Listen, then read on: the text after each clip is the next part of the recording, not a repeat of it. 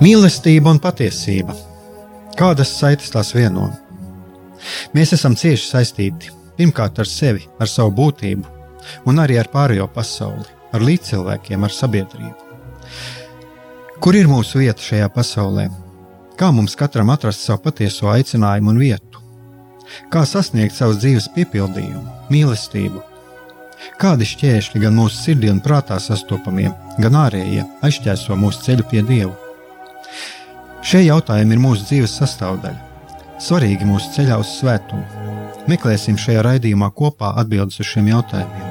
Ieklausīsimies, ko Dievs mums vēlas pateikt ar visu, ko sastopam savā dzīvē. Lai mūsu sirds un prāti atveras mīlestībai un patiesībai, raidījums mīliet cits citu.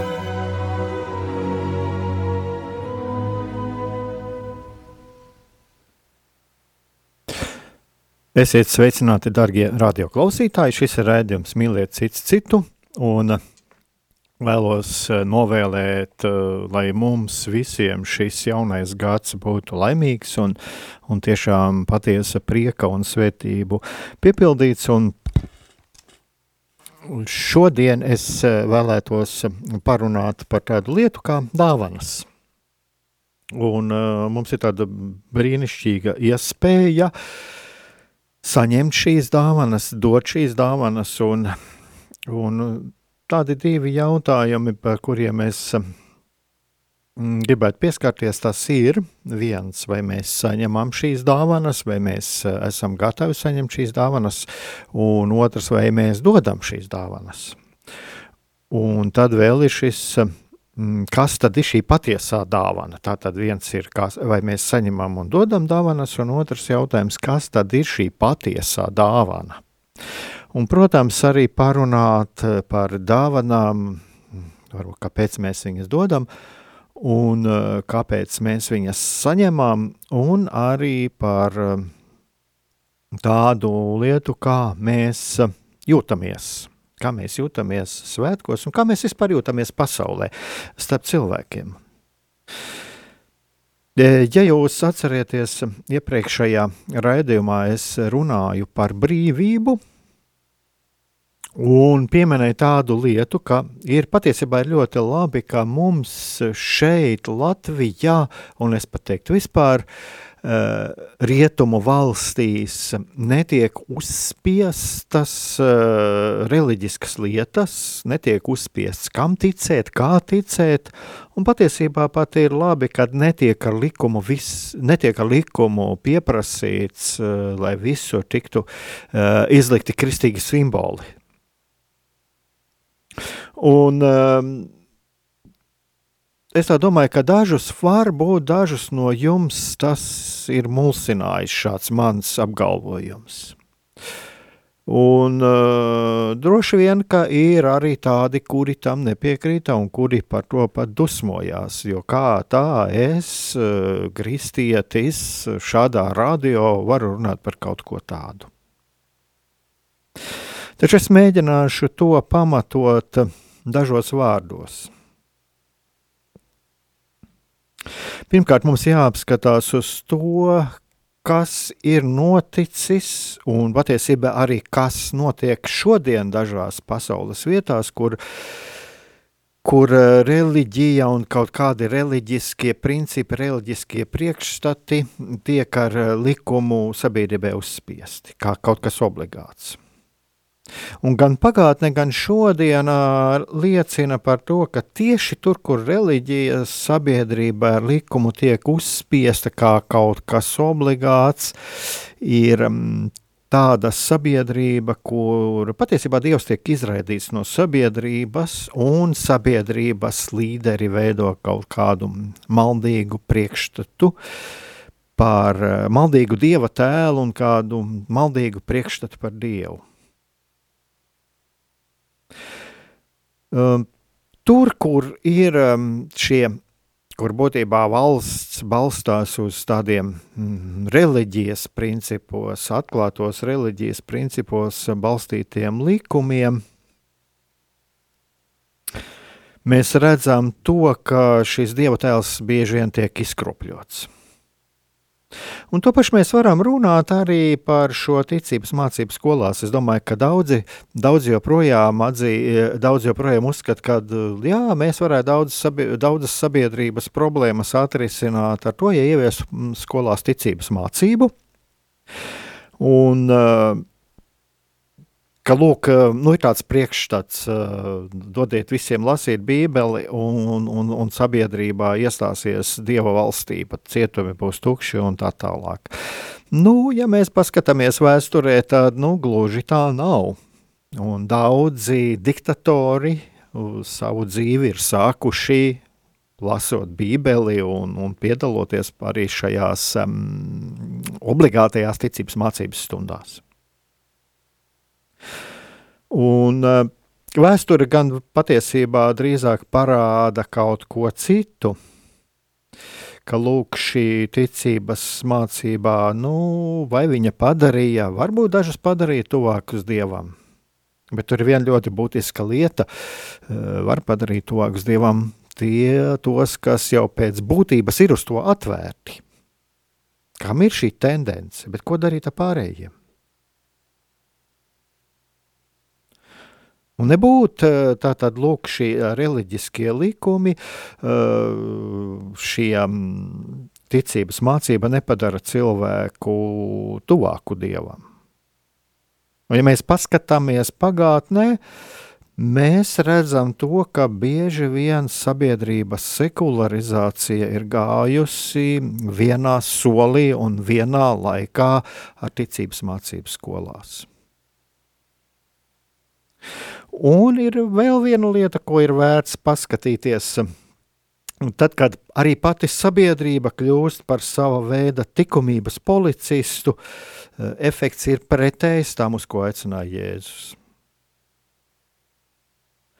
Tādā gadījumā pat ir tā, ka daudzi smagi grēki pret tuvāku mīlestību tiek eh, attaisnoti, maskējoties aiz Dieva vārda.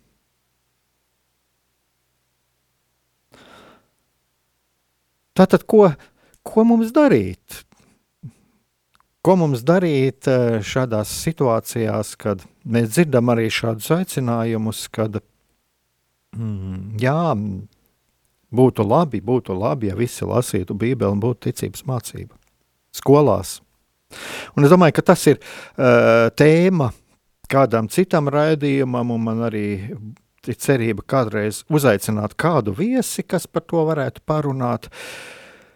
Bet tagad es gribu atgriezties atkal pie tā par dāvanām un arī pie šī jautājuma. Kāpēc runājot par dāvanām, es eh, runāju par šādu tēmu kā reliģiskie likumi, ticības mācība Un runāja par to, ka lūk, šie reliģiski balstītie likumi sabiedrībā un ticības mācības skolā nebūtu vēl neatrisina sabiedrības problēmas un mm, neiezved tuvāk dievam.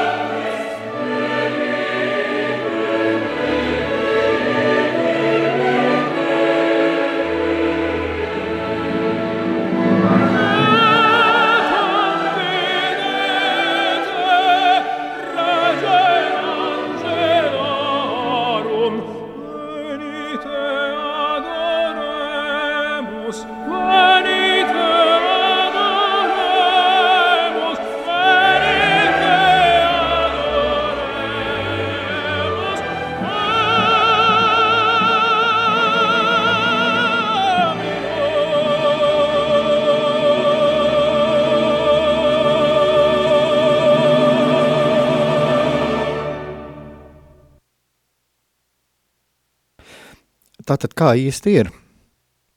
Vai ticības mācība skolās un arī Bībeles lasīšana cilvēku padara labāku vai sabiedrība kļūst ticīgāka? Lūk, šeit ir eh, vērts um, uzdot sev šos jautājumus un um, mēģināt paskatīties plašāk pasaulē, kas ir noticis, kas notiek šodien, un paskaties, paskatīties pašiem uz sevi un, un arī uz kristīgo sabiedrību. Uz to sabiedrību, kas sevi sauc par kristiešiem, gan katoļiem, gan citām konfesijām piederīgiem. Un jā, ir vērts un ir vajadzīgs, un mēs esam aicināti lasīt svētos rakstus. Mēs esam aicināti lasīt Bībeli, un tas ir mums, kā kristiešiem, tas ir svarīgi. Bet svarīgi ir ieraudzīt nevis to, ko mēs vēlamies ieraudzīt, svarīgi ir nevis uh, svētajos rakstos, izteikto svētajos rakstos, ko mm, teikto domu pielāgot savai izpratnei, arī savām vēlmēm. Bet mēģināt saprast, ko Dievs vēlās caur svētajiem rakstiem pateikt mums, ko Dievs vēlās pateikt. Un ja mēs, rez, ja mēs lasām evaņģēlīju, tad mēs redzam vienu, man šķiet, ļoti svarīgu lietu, ko mēs pamanām. Mēs pamanām to, ka Jēzus nekur ar varu savus mācekļus nesapulcina. Jēzus sūta savus mācekļus, viņš, bet viņš nedzen viņus ar varu. Jēzus aicina sekot, bet tas nenotiek ar varu. Un Jēzus arī nesūta savus mācekļus ar varu uzspiest savu ticību, savu mācību. Jēzus ar varu neuzspiež citiem. Viņš nesūta mācekļus ar zobenu rokā, tagad, mm, lai viņi izplata Jēzus mācību kā tas diemžēl ir noticis sabiedrībā tālāk, kā to ir darījuši cilvēki, diemžēl ir to darījuši un, un ir ar varu mēģinājuši uzspiest un joprojām mēģina uzspiest ar varu savu ticību, savu pārliecību. Jēzus arī nemanipulē. Ja mēs paskatāmies um, svētajos rakstos, ja mēs redzam Jēzus darbību, tad viņš eh, neveic kaut kādas manipulācijas vai viņš neprogrammē. Man vakar iznāca tāda saruna ar kādu cilvēku, kas runāja par, man, par, par, par programmēšanu, kā ieprogrammēt cilvēkus pareizi un pareizi uzvesties un tā tālāk. Nē, Tas ir tāds strīdīgs jautājums vispār par programmēšanu, bet pats par sevi tas vairs nav kristīgi. Bet Jēzus nemanipulē.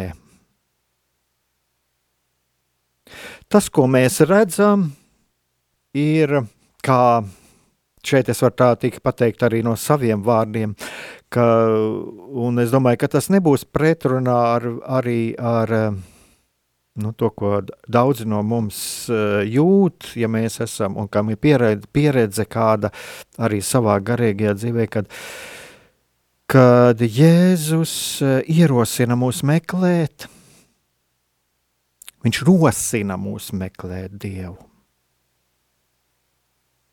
Viņš mūs rosina ieklausīties sevī, savas sirds balsī. Un ne tik daudz savā egoistiskajā, patmīlīgajā balsī, kas mūsos, mūsos ļoti bieži ir ļoti skaļa. Nevis savos šaurajos priekšstatos, bet tajā klusajā sirds balsī, tajā pavisam klusajā sirds balsī, kas mūs atklāja mūsu siļa, dziļākās sirds ilgas, tās, kur, tās caur kurām uz mums runā pats Dievs. Un uh, ko mēs varam no tā visa secināt? Es domāju, ka mēs varam šeit mēs varam pilnīgi droši pateikt to, ka tātad kas ir Dievs? Dievs ir arī brīvības Dievs.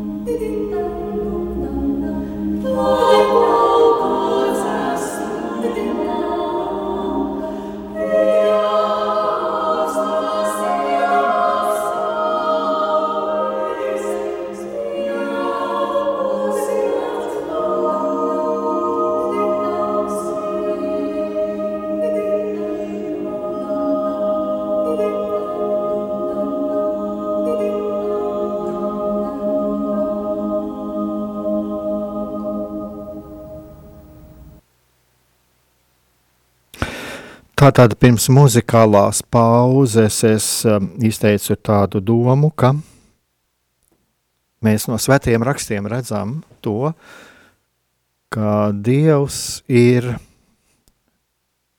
brīvības Dievs. Viņš ir arī brīvības Dievs. Un Dievs ir tas, kurš mums dod brīvu izvēli, kādu ceļu iet. Viņš mums ļauj izvēlēties.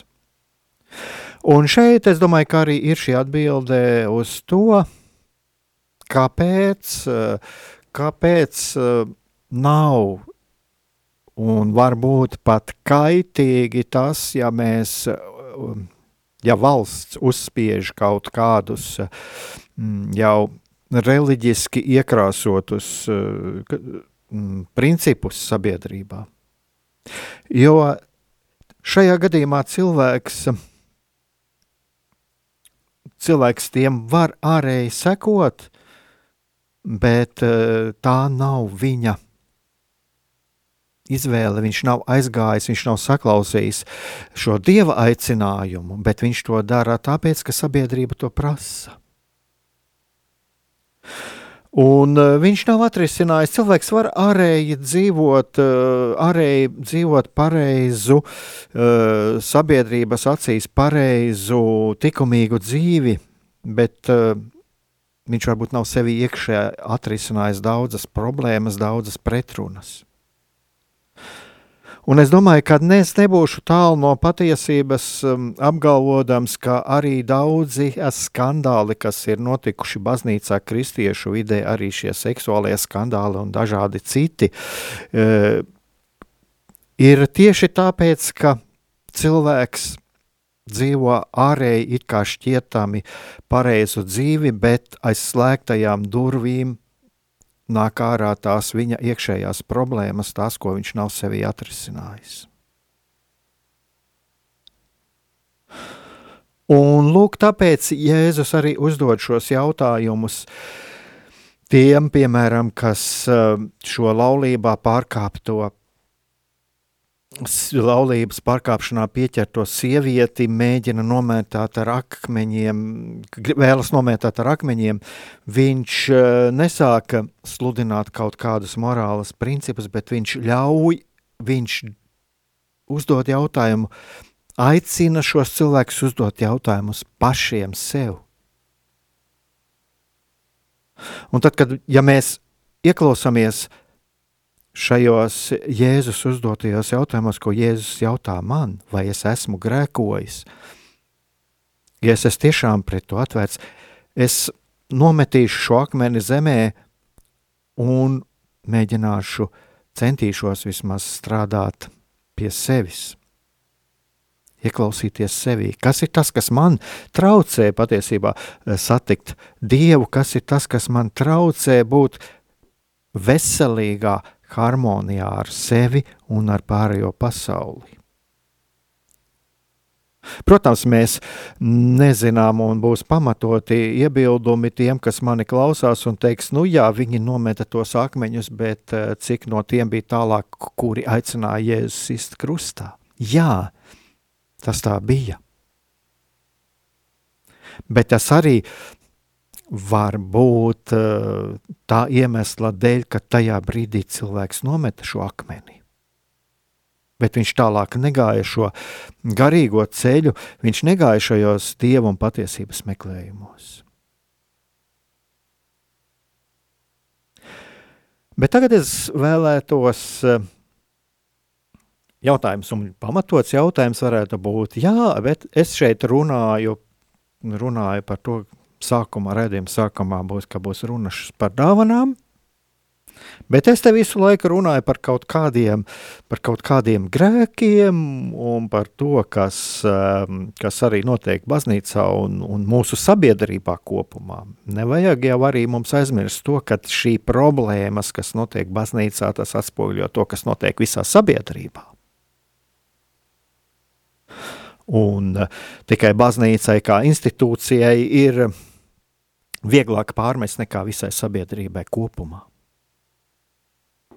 Un jāatcerās, jā, jā, diemžēl mums ir jāpieņem tos, ka daudzi no šiem pārmetumiem ir patiesi un pareizi. Bet tagad es vēlos atgriezties arī pie šīm dāvanām, un, un uh, vai būtu arī mazliet saprotams, ko es gribu ar visu šo lietu pateikt. Jo šis laiks ir, ja mēs arī tā padomājam par uh, dažādām svinībām, svētkiem, Ziemassvētki, uh, jaunais gads, mēs dzīvojam ļoti komercializētā sabiedrībā, un tas ir tas laiks, kad mēs arī saņemam un dodam dāvanas. Daudzi no mums vismaz tā dara. Bet uh, ir arī vērts ieklausīties um, pašiem sevī un pavērtēt, kas tad ir tās par dāvanām, kas tās ir un vai mēs šīs dāvanas, um, kāpēc mēs viņas dāvanam, Kāpēc mēs dāvinām otram kaut ko? Un kāpēc mēs saņemam? Ar kādu mērķi? Ar kādu mērķi mēs to darām? Un uh, Ziemassvētki ir tāds labs apliecinājums tam, ko nozīmē patiesa dāvana. Jo, ja mēs e, pavērtētu kādreiz uz tām cilvēciskajām attiecībām, ko mēs piedzīvojam, tad arī dāvanas mēs nevaram uzreiz tā pateikt un viennozīmīgi pateikt, ka tas ir kaut kas labs. Ja vai nav bieži vien tā, ka mēs dāvinām tāpēc, lai piesaistītu otru sev? Protams, atkal ir jāatcerās to, ka veselīga vēlēšanās pēc atzīšanas, veselīga vēlēšanās pēc pateicības ir um, manuprāt, arī ļoti laba lieta, jo Dievs to ir ielicis mūsos šo vēlmi, bet šai vēlmei ir jābūt e, savstarpējai pateicībai. Pēc savstarpējas pateicības. Mēs neesam nekādi mazohisti, kuri, un, un kuriem Dievs mūs tādus nav vēlējies redzēt kuri mm, dod, dod no sevis un pazaudē paši sevi un aiziet bojā. Nē, Mūsos ir ielikta šī vēlēšanās arī pēc mīlestības no otra. Dievs to ir ielicis, tā ir dabiska lieta. Bet var gadīties arī tas, kad dāvana tiek pasniegta tāpēc, lai piesaistītu. Neveselīga piesaiste, lai mēs dāvinām tāpēc, lai saņemtu no otra kādu atzinību. Un mēs gaidām pretīm dāvanas, un tad, ja mēs neesam no otras šo dāvanu saņēmuši, tad mēs pārmetam. Cik bieži arī man pašam ir nācies dzirdēt šādus stāstus, kad cilvēks piedzīvo to, ka viņam tiek pārmests. Viņam tiek pārmests par to, ka nu, lūk, nav šīs atbildes reakcijas. Un tāpat ir šie stāsti, ka cilvēks uh, pārdzīvo par to, ka viņš ir dāvinājis, viņš ir iedevis tik daudz, bet pretī mums saņēmis atzinību. Un, manuprāt, šeit jau ir šis uh, trauksmes zvans, kurš parāda par to, ka ar to dāvināšanu nav kaut kas īsti kārtībā. Un bieži vien, jo dārgāka un ekskluzīvāka dāvana, jo vairāk dāvinātājs vēlas otru ielikt tādā zelta burītī, vēlas piesaistīt pie sevis. Un tātad, kāpēc es dāvinu un kāpēc mums dāvina? Vai lai piesaistītu vai lai tiešām mīlestībā iepriecinātu. Vai arī varbūt, lai nopirktu draudzību un būtu tāds kā visi, jo tās ir pareizi, pēdiņās pareizi. Un tad arī ir vērts paskatīties, vai šī dāvana pirkšana un viss nav kaut kas tāds, kas mūs ļoti, ļoti nogurdina un, un, un atstāja tādas nepatīkamas pēcsajūtas. Bet tagad atgriežoties pie tā, ko es teicu par Ziemassvētkiem, un Ziemassvētki tiešām apliecina to, ka pirmkārt, ka Dievs ir šis brīvības Dievs, un otrs, Ziemassvētki apliecina to, ko nozīmē dāvana, un ko nozīmē dāvināšana, kas patiesi mūs dara laimīgus.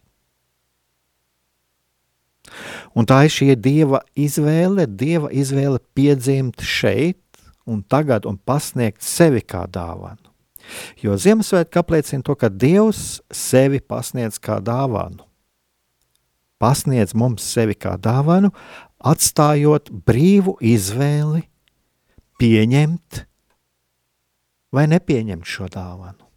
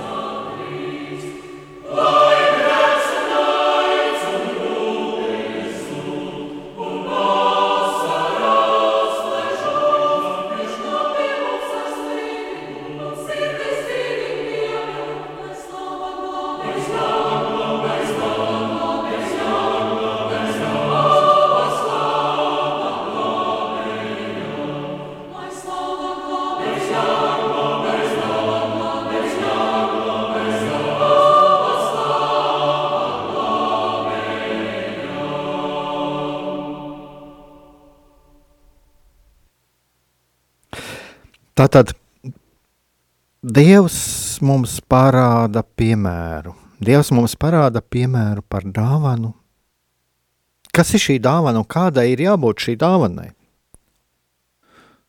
Dāvana, kura mūs tiešām padara laimīgus. Un padara laimīgu gan devēju, gan arī dāvanas saņēmēju, ja viņš ir brīvi pieņēmis šo dāvanu ar atvērtu sirdi. Un kas ir šis būtiskais, šis dieva piemērs, kad viņš arī šeit dod šo brīvo izvēli pieņemt vai nepieņemt šo dāvanu. Un tad, kad mēs paskatāmies jau Jēzus pieaugušā dzīvi, kad viņš jau gāja sludināt, mēs atkal redzam to, ka Jēzus dod šo iespēju pieņemt vai nepieņemt.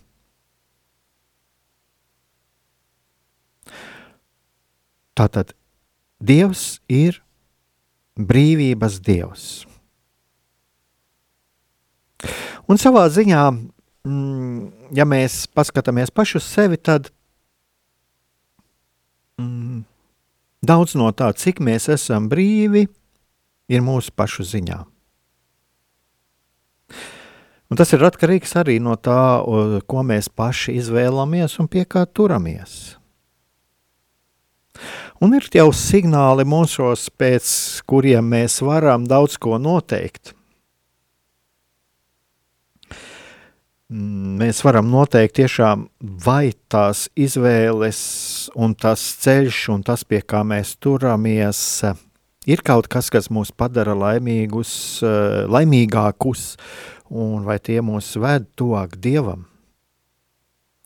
Un es domāju, ka viena tāda lieta, tā kā arī šeit ir runa par svinībām, tad tās ir šīs sajūtas svinību un pēcsvinību laikā. Varbūt nogurums, bet nogurumi arī ir dažādi. Varbūt nogurums, bet mēs sirdī jūtam gandarījumu par labi pavadītu laiku. Un tātad Bet varbūt arī nu, pagurums un sajūta, ka nu, kaut kas nav īsti, kaut kas īsti nav kārtībā. Bieži vien mums arī ir grūti, grūti saprast, kas ir par cēloni. Un, protams, nav jau mums jārakājās savās izjūtās un, un, un jāpārdzīvo par to, es vairāk aicinātu skatīties uh, tālāk, protams, paskatīties, jā, un, un kā bieži vien jau ir acīm redzamas šīs lietas, bet uh, ar mazliet ar laika distancīt un pierakstīt savas izjūtas, tas ir tas, kā es to kādreiz daru. Bet tā tad uzdot šev, šo jautājumu, kādas ir manas sajūtas svinību laikā un pēc svinību laikā? Kā es jūtos? Vai es jūtos labi? Vai varbūt es esmu noguris un pagurums ir ar tādu tukšuma sajūtu. Par ko tas liecina? Varbūt svētki bija kā pienākums, kā jau es uh, minēju pirms muzikālās pauzes, pienākums piedalīties svētkos, pirkt dāvanas, jo tā ir pieņemts un tā ir pareizi.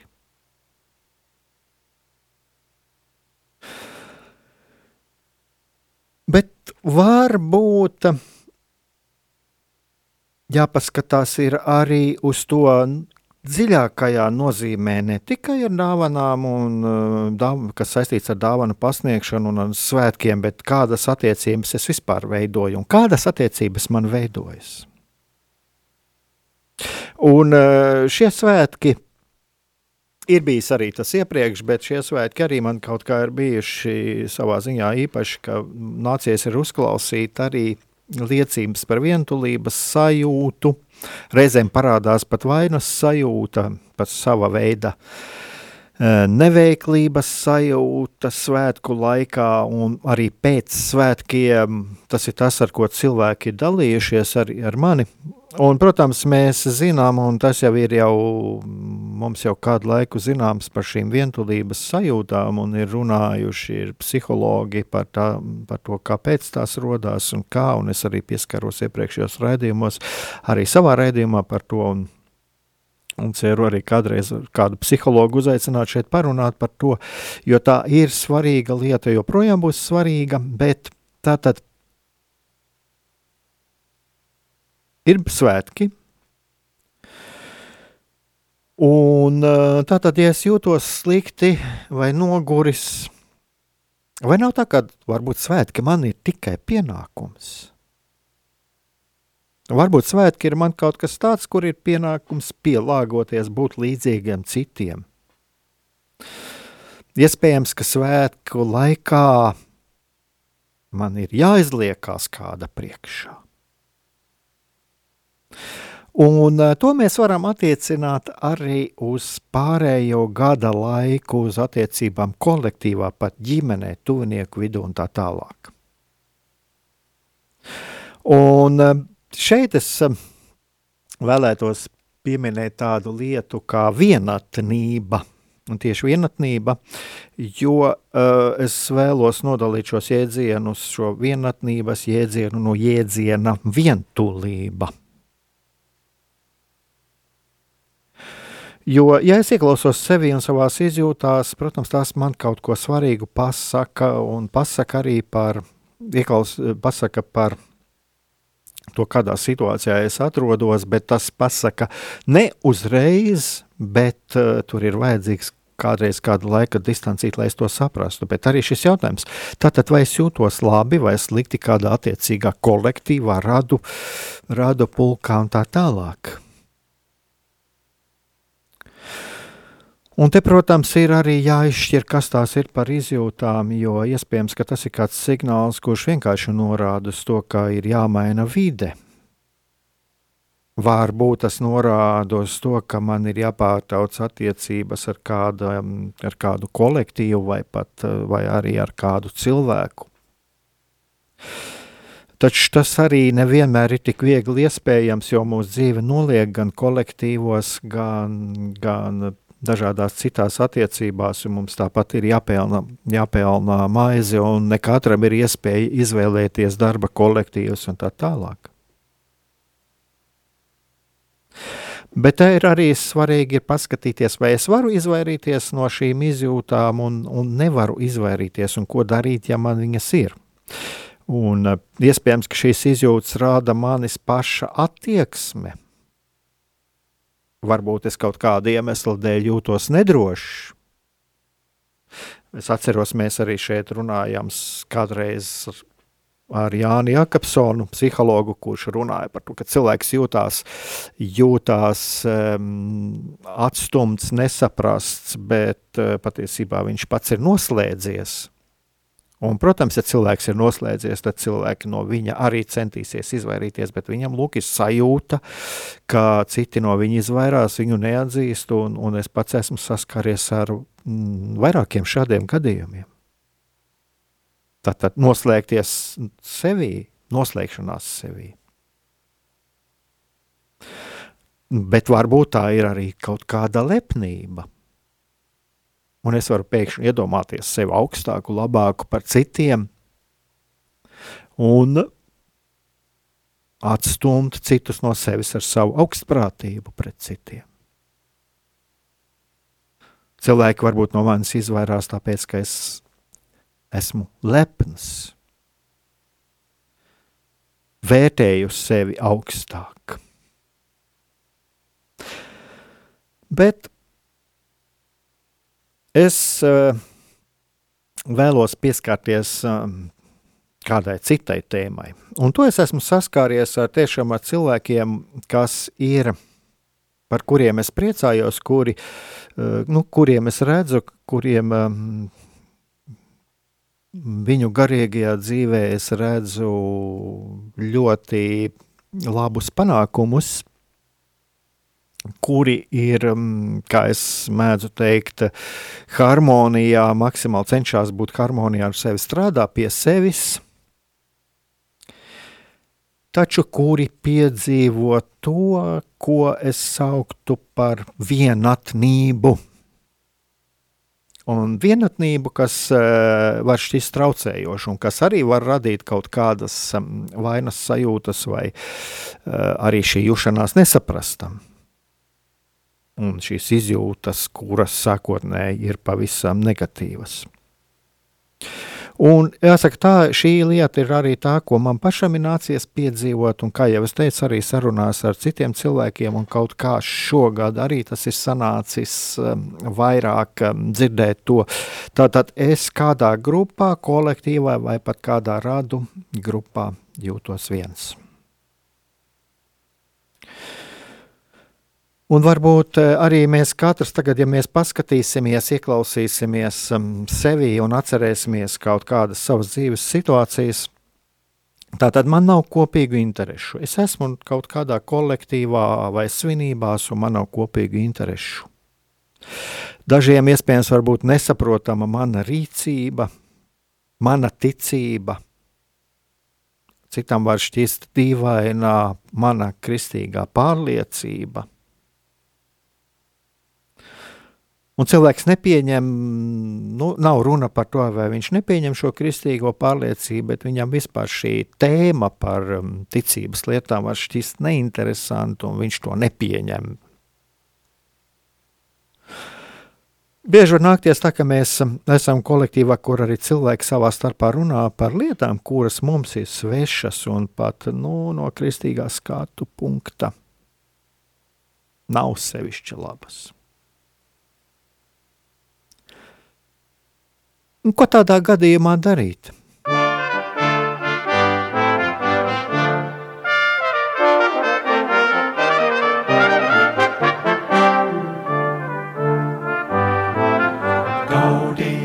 Gaudete, Christus est natus, ex Maria Virgine gaudete, gaudete, gaudete, Christus est natus,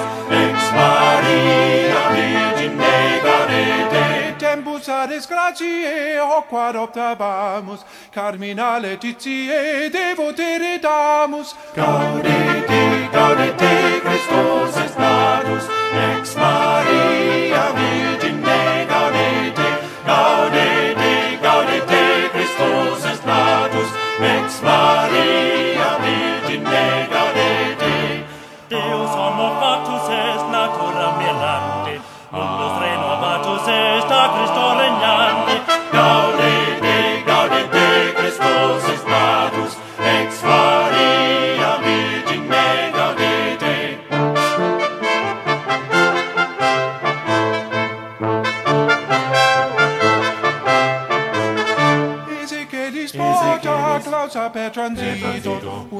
luxes odas salus in beneditor gaudite, gaudite Christus est natus, ex Maria Virgine gaudite, gaudite, gaudite Christus est natus, ex Maria Virgine gaudite, ergo nostra conscientia lagiamina,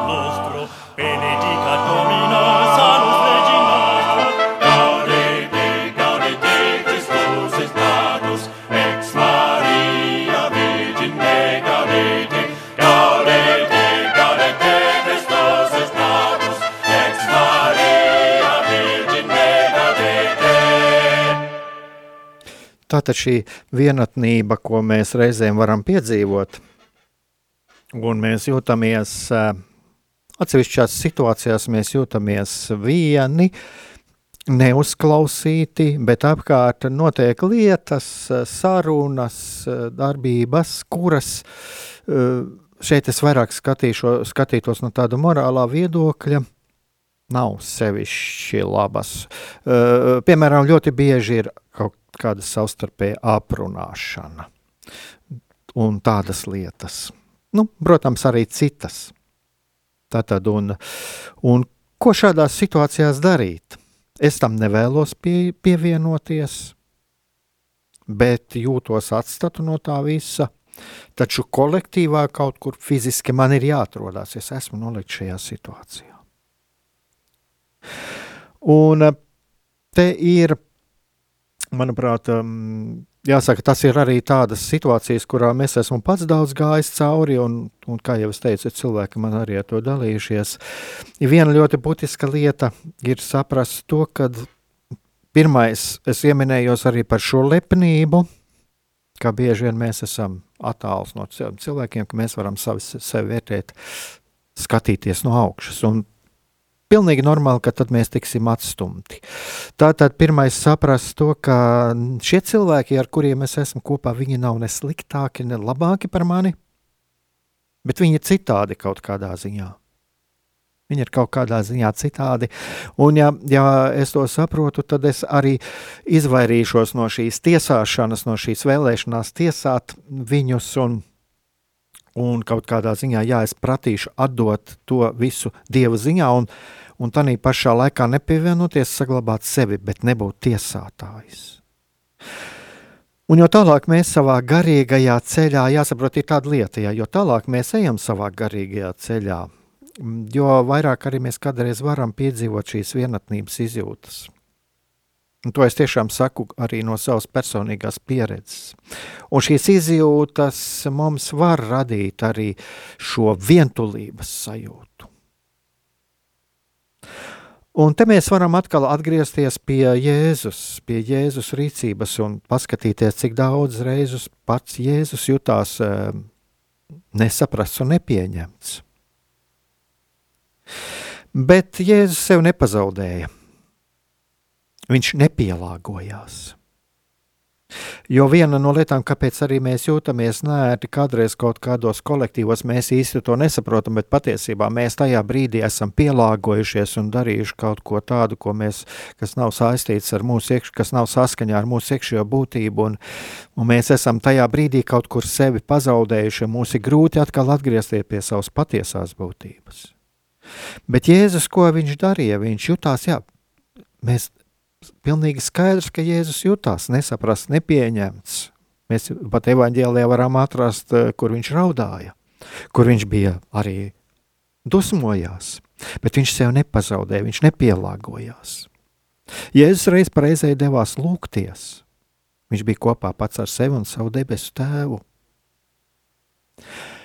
Jēzus neizšķieda savu laiku un enerģiju, lai pārliecinātu tos, kuri bija nocietinājušies un nevēlējās viņu saprast. Jo, jo kā jau runājām šeit, kad Dievs mūs ir radījis brīvus, un Dievs pats mums atklājās, un mēs ir mums dot iespēju pieņemt vai nepieņemt.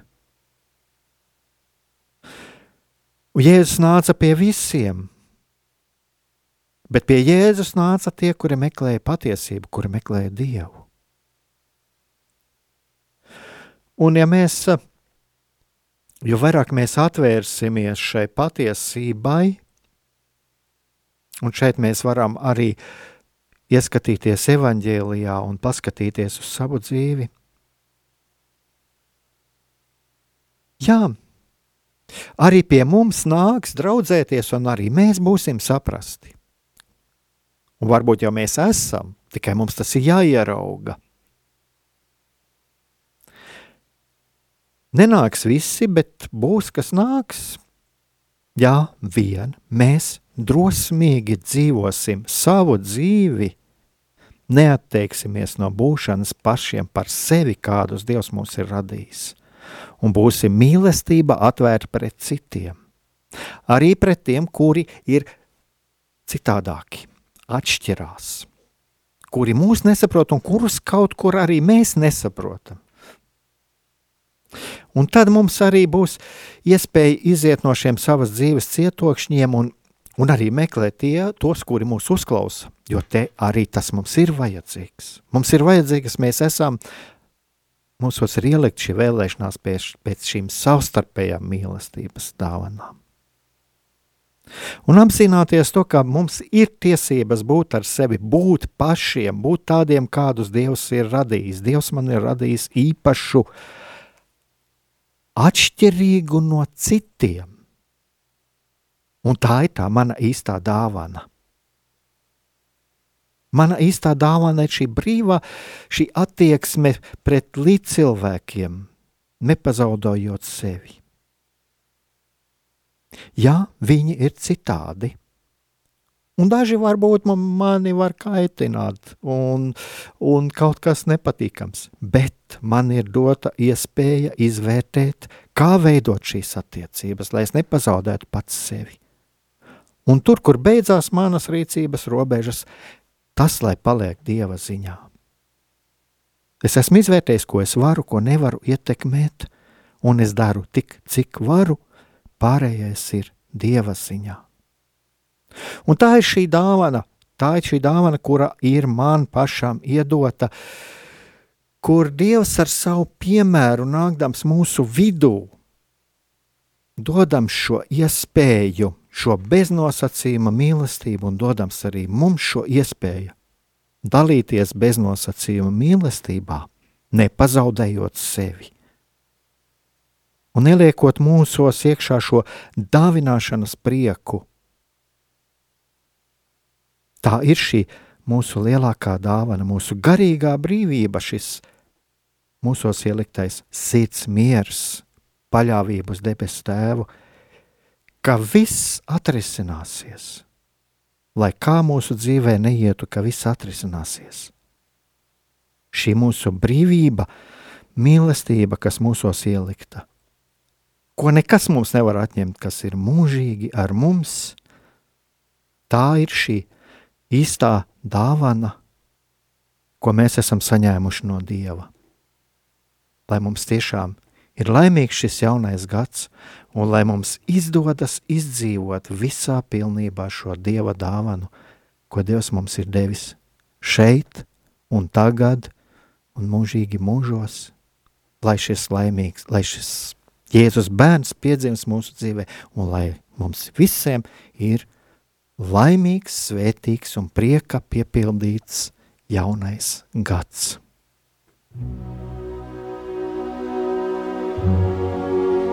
Mīlestība un patiesība. Kādas saites tās vieno? Mēs esam cieši saistīti pirmkārt ar sevi, ar savu būtību, un arī ar pārējo pasauli, ar līdzcilvēkiem, ar sabiedrību. Kur ir mūsu vieta šajā pasaulē?